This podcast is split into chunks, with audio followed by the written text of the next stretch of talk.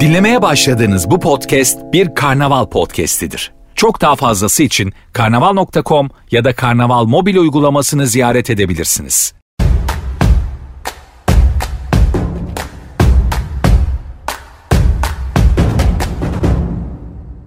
Bir sonrası ötesi diye e, konuşmuştuk. E, dolayısıyla e, özellikle günümüzde her şeyin çok hızlı değiştiği bir dönemde e-ticaretin ve yeni nesil perakendenin bir sonrası ve ötesi ne olur diye e, sizlere paylaşım yapmak istiyorum. E, zamanı da efektif kullanmak için e, sunumla ilgili sunum hızlı geçeceğim ama e, dilerseniz sonra isteyenlerle paylaşabilirim. En sonunda mail adresimi de e, veriyor olacağım. Şimdi öncelikle 2020'ye doğru geçmişten günümüze bakmak e, gerekiyor diye düşündüm. E, bu çalışmayı biz global ekiplerle birlikte e, hazırlamış olduk. Dolayısıyla içindeki verileri de e, o anlamda değerlendirebilirsiniz. 2020 için ne demişiz geçmişte? Demişiz ki 2001 yılında e, kişiselleştirme geleceğimiz demişiz. E, 98 yılında e, gelecekte perakende de e, oyunlaştırma eğlence önemli olacak demişiz. 2011'de e, artık cüzdanlarımızı tarihe karışacak demişiz. E, ve 2012'de de işte vücut e, scannerları da e, nasıl e, şey yapacağımızı, alışveriş yapacağımızı değiştirecek demişiz. Aslında çok fazla e, kehanette genel olarak bulunmuşuz dünya olarak e, bakacak olursak. Aslında bakarsak e, prediction yapmak yani tahminde bulunmak gerçekten zor bir iş. Ve bunların bazılarının e, aslında neden zor oldu ve neden yanlış çıktığını da kısaca paylaşmak isterim. Çünkü genel olarak e, bu tahminleri bu e, yapan kişiler doğal olarak bir sektörün ya da e, bir şirketin liderleri olduğu için e, özellikle o alanın faydalanacağı alanlarda genelde e, kehanette bulunuyorlar ya da tahminde bulunuyorlar. Birazcık e, kişiye hizmet etmesi söz konusu. İkinci konu genelde bunların tam bir zaman ölçeği olmayabiliyor. Çünkü bu olmadığı zaman da şirketlerin aslında buradan hareket ederek strateji geliştirmeleri, taktik geliştirmeleri çok zor oluyor gerçekten. E, birçoğunun e, genelde bakacak olursak aslında kehanet olduğunu da görüyoruz. E, yani gelecekte şirketler böyle olacak, böyle yapacak e, demek de, derken aslında arkasında ciddi bir analizin, e, bu data driven da olabilir. Gerçekten e, mantıksal bir analizin olmayabildiğini görüyoruz.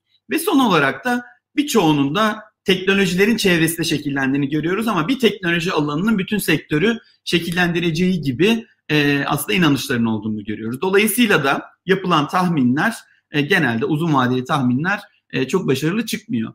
E, şimdi peki e, bunu bir kehanetten pratik olarak şirketlerimizin hayatında ele alacakları bir yapıya nasıl geçirebiliriz diye düşündüğümüz zaman da mutlaka bunun veri e, destekli ve veriden e, hareket eden bir e, tahmin ya da öngörü olması gerektiği üzerine çalıştık. Aslında dört tane makro e, trend var. Bunlar aslında trendten de öte biraz tekto, tektonik hareket gibi.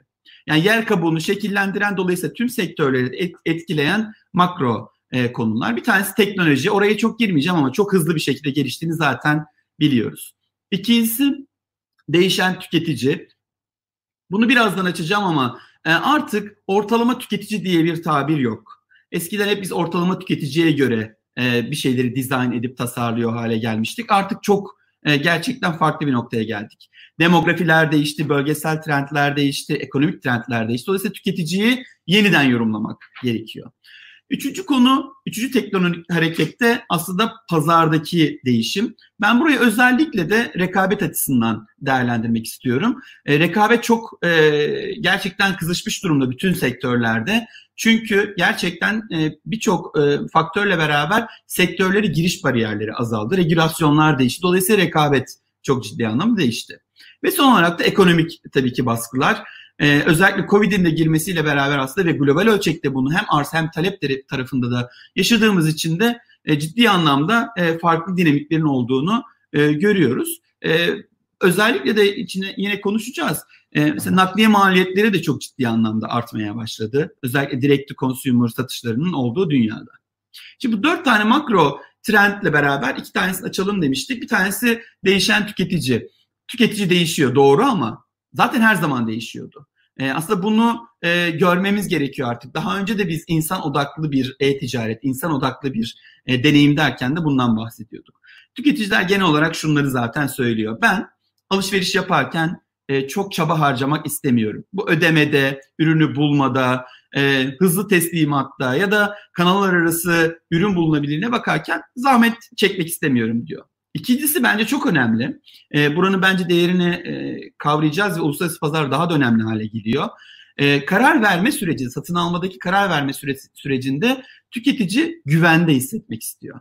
Bunu sağlamanın çeşitli yolları var. İşte expert görüşleri, peer görüşlerine yer vermek, ürün açıklamaları, eğitim videoları gibi konularla tüketiciyi desteklememiz gerekiyor.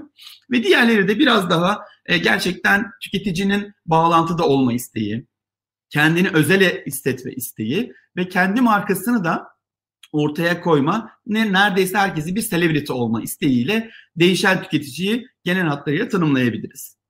Bir ikincisi de burayı çok önemsiyorum gerçekten gerçekten pazar paradigması değişti. Biz rekabeti yeniden tanımlamamız lazım. Rekabet ölçüsü nedir?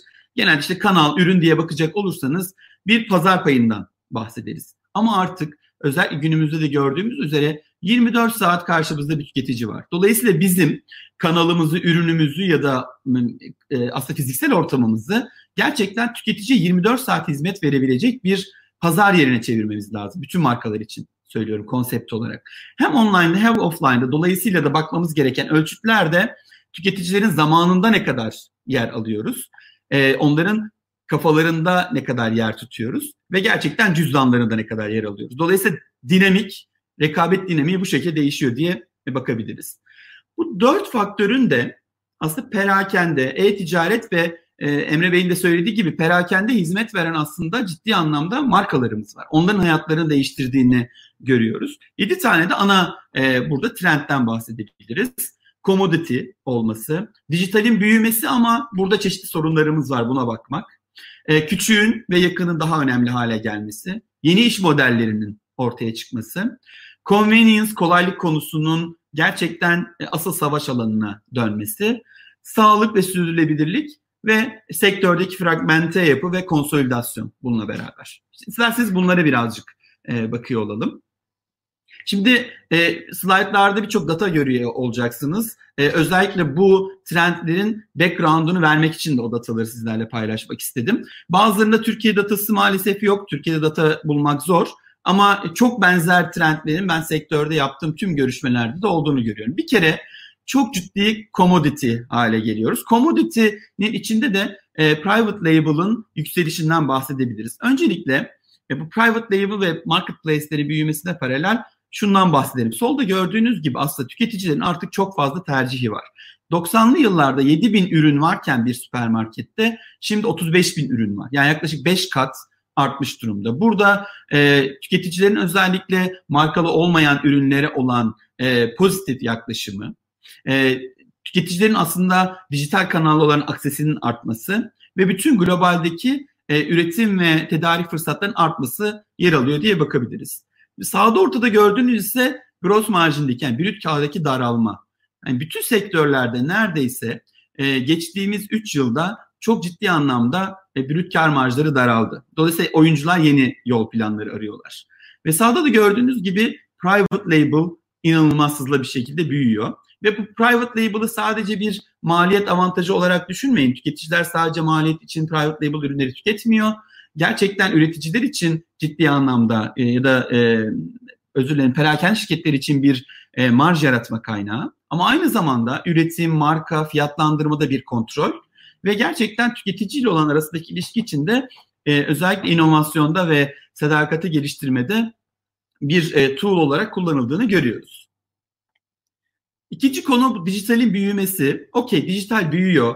Hatta Covid döneminde de ekranda gördüğünüz gibi büyümeye devam etti. Gerçekten şirketlerimizin büyümesini de e, tetikliyor. Ama birkaç sorun var. O da şu. E, bahsettik. Bütün dijital e, eğilim desktop'tan mobile doğru kayıyor. %60'lara varıyor Türkiye'de de. Ama burada bunun e, bunu konuşuyoruz ama business etkisini bence konuşmuyoruz. Desktop'tan mobile kaydıkça bir kere e, ortalama sipariş büyüklüğü küçülüyor yaklaşık %30 oranında. E, ve conversion oranları da satın almaya dönüşler de düşüyor mobilde. E, ve dolayısıyla da buraya trafiği çekmekte çok başarılı olsak da oradan satış yaratmak ve business'a döndürmek anlamında gerçekten şirketlerimiz sorun yaşıyorlar. Bu globalde de e, çok benzer bir trend. E, bununla paralelde e, dijitale kaydıkça da yani geleneksel medyadan özellikle dijital medyaya da doğru kaydıkça ciddi anlamda yıllar arasındaki 8 yılda çok ciddi bir değişimden e, bahsediyoruz. Medya harcamaların dijitaldeki etkisi gerçekten e, yükseliyor. Dijital yani genel olarak bu yükselirken ise e, perakende sektörü mesela aynı hızda büyümüyor. Aslında bu da şu demek biz daha az büyümeyi daha çok harcayarak yapmak durumunda kalıyoruz. E, bu pazarlama tarafında. Lojistik tarafına bakacak olursak da e, bu Amerika verisi ama Türkiye'de de çok e, benzer rakamlardan bahsedebiliriz. Hem e, özellikle son e, kilometre teslimatlarının artmasıyla beraber e, sevkiyatta bir komplekste artık yaşıyoruz. Ve aynı zamanda da sevkiyat maliyetleri de artıyor.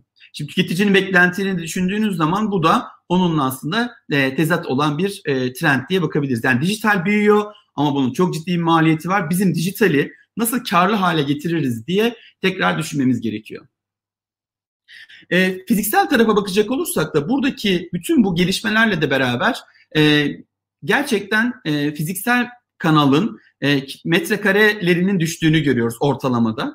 E, ve tabii ki mağazaların kapandığını da e, görebiliyoruz. Bu da e, günümüzle beraber yine olan bir trend. Buradaki önemli konu tüketiciye yakın olmayı başarabilmek. Dolayısıyla sizin markanızın tüketicisi neredeyse ona yakın ve e, özellikle yakın olan mağazanın da rolünü iyi tanımlayabilmek. Eskiden birazcık bu fiziksel mağazalar deneyim merkezleri gibi konumlandırılıyordu. Şimdi deneyim merkezi olmasının ötesinde bir de lojistik üssü gibi konumlandırılan mağazaya da e, aslında depoların olduğunu bu anlamda görebiliyoruz. Dolayısıyla bu da yani biz küçülürken ve tüketiciye yakınlaşırken de dikkat edilmesi gereken mağazaların her birinin rolünün tanımlanması için çok ciddi bir gelişim alanı diye bakabiliriz. Şimdi yeni modeller, burası çok çok kritik. Hep fırsatlardan bahsediyoruz.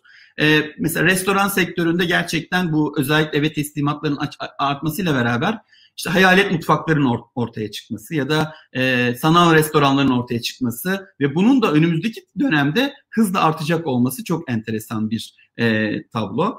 Diğer taraftan markaların direkt tüketiciye erişim kanallarında e, ortaya çıkartması ve buradaki trafiğin de çok hızlı bir şekilde arttığını e, görüyoruz.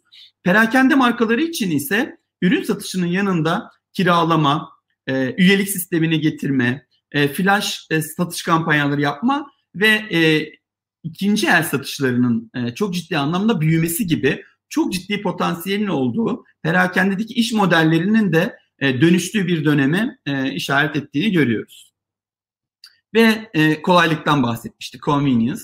E, bir e, tüketicinin e, bir markayla olan ilişkisini tanımlayan en önemli faktörlerden biri convenience. E, burada tüketiciye hızlı bir şekilde bu ürünü bulmaktan e, kolay alışverişini sağlamaktan teslimattaki e, e, convenience'a kadar e, gerçekten bunun önemli olduğunu görüyoruz ki e, ortada görüyorsunuz şirketlerin ve alt sektörlerin büyümesindeki en önemli konu perakende gibi ya da e, e-ticaret gibi ya da gıda perakendesi gibi alanlarda convenience'ın önemi e, çok çok e, ön planda. E, önümüzdeki dönemde bunun e, artış göstereceğini de e, net bir şekilde söyleyebiliriz ve e, sağlıklı sürdürülebilirlik trendi tabii ki herkes için geçerli değil ama çok ciddi anlamda bu ürün kategorilerinin zaten büyümekte olduğunu hepimiz biliyoruz. Kadınlar ve erkeklerde de e, genelde ortalamada aynı noktada. Yalnız e, burada ilginç bir konu var. Farkında olmakla gerçekten tüketicilerin gerçek davranışı arasında bir şu anda boşluk var. Yani buradaki sağdaki rakamlara bakacak olursanız da obezite mesela en çok buna dikkat eden grupta bile obezitenin hızlı bir şekilde büyüdüğünü ve yükseldiğini görüyoruz. Dolayısıyla bu trendin farkındalık trendinin aksiyona geçmesi de önümüzdeki dönemde e, yine beklediğimiz ana trendlerden biri ve fragmente e, olması ve konsolidasyon bir taraftan çok volatil bir e, pazarda yaşadığımızı biliyoruz. Bizim Türkiye'de de benzer şekilde. Erman Hanım da bahsettiği gibi yaptığımız çalışmalarda e-ticaret e, pazar araştırmasına giren şirketlerin sayılarında çok ciddi bir değişiklik var. Yine bu senede bir artış oldu. E, önümüzdeki dönemde hem yeni oyuncuların piyasaya girmesini ama bir taraftan da oyuncular arasında konsolidasyon olmasını da bu anlamda bekliyoruz. Bu hem bu arada perakende sektöründe geçerli hem de perakende hizmet veren e, ve tedarik zincirinde yer alan markalar için de geçerli. e, konsolidasyon fırsatları bu dijital e, ekosistemin e, büyümesiyle beraber de ortaya çıkacaklar. Ve e, son olarak da şöyle bir e, konuyla bağlamak isterim. Özellikle günümüzde e, bunu e, deneyim zirvesinde de konuşmuştuk e, hep birlikte. E, bugünün tüketicisini çok iyi anlamamız gerekiyor. Bugünün tüketicisinin yine verilerinden ve davranışlarından hareketle de ne yapabileceğini, e, now consumer'ı iyi anlayıp gerçekten stratejilerimizi ve taktiklerimizi bu yönde geliştirmemiz gerekiyor diye düşünüyoruz. E, bahsettiğimiz gibi tüketici artık 24 saat e, var. Hayatında devam ediyor. Bizim onun e, zamanından, e, kafasından e, ve cüzdanından e, olabildiğince fazla e, payı almaya çalışmamız önemli. E, bu tüketicileri artık daha çok anlamaya çalışmak gerekiyor. Ortalama tüketici diye bir şey yok e, diyoruz. E, ve bunu çok iyi bir e, yolculukla ona yaşatabiliyor olmak ki burada convenience'ın öneminden bahsetmiştik. Ve mutlaka her e, markanın ister marketplace olsun, ister e-ticaret şirketi, ister e, bunlara hizmet veren markalar kendi marka değerini ve vaadini e, çok iyi bir şekilde tüketiciler atlatmasını bekliyoruz. Ve tabii ki günümüzde çok e, iyi bir anlamda gördük. E, gerçekten platformların önemi çok e, kritik hale geldi. Performans, güvenilirlik, dayanıklılık cidden e-ticaret şirketlerin başarısında da ön plana çıkmaya başladı. E, ve bu çalışmada olduğu gibi dataya dataya bakarak data bazlı trendleri okumak ve e, aslında egzekutiflerin karar vermesini data bazlı sağlamak kritik. E, ve son olarak da tabii çalışanlardan ve kültürden bahsetmeden olmaz. Bu dönüşümü sağlayacak yine çalışanlar ve bu yönde kendi e, donanımlarını arttırmış e, şirketler olduğunu görüyoruz. Dolayısıyla e, tüketicilerin önümüzdeki dönemde e, kendilerini hazırlayabilmeleri için bu ekosisteme şirketlerimizin bu alanlarda yatırım yapabileceğini, fırsat alanlarından faydalanabileceğini düşünüyoruz.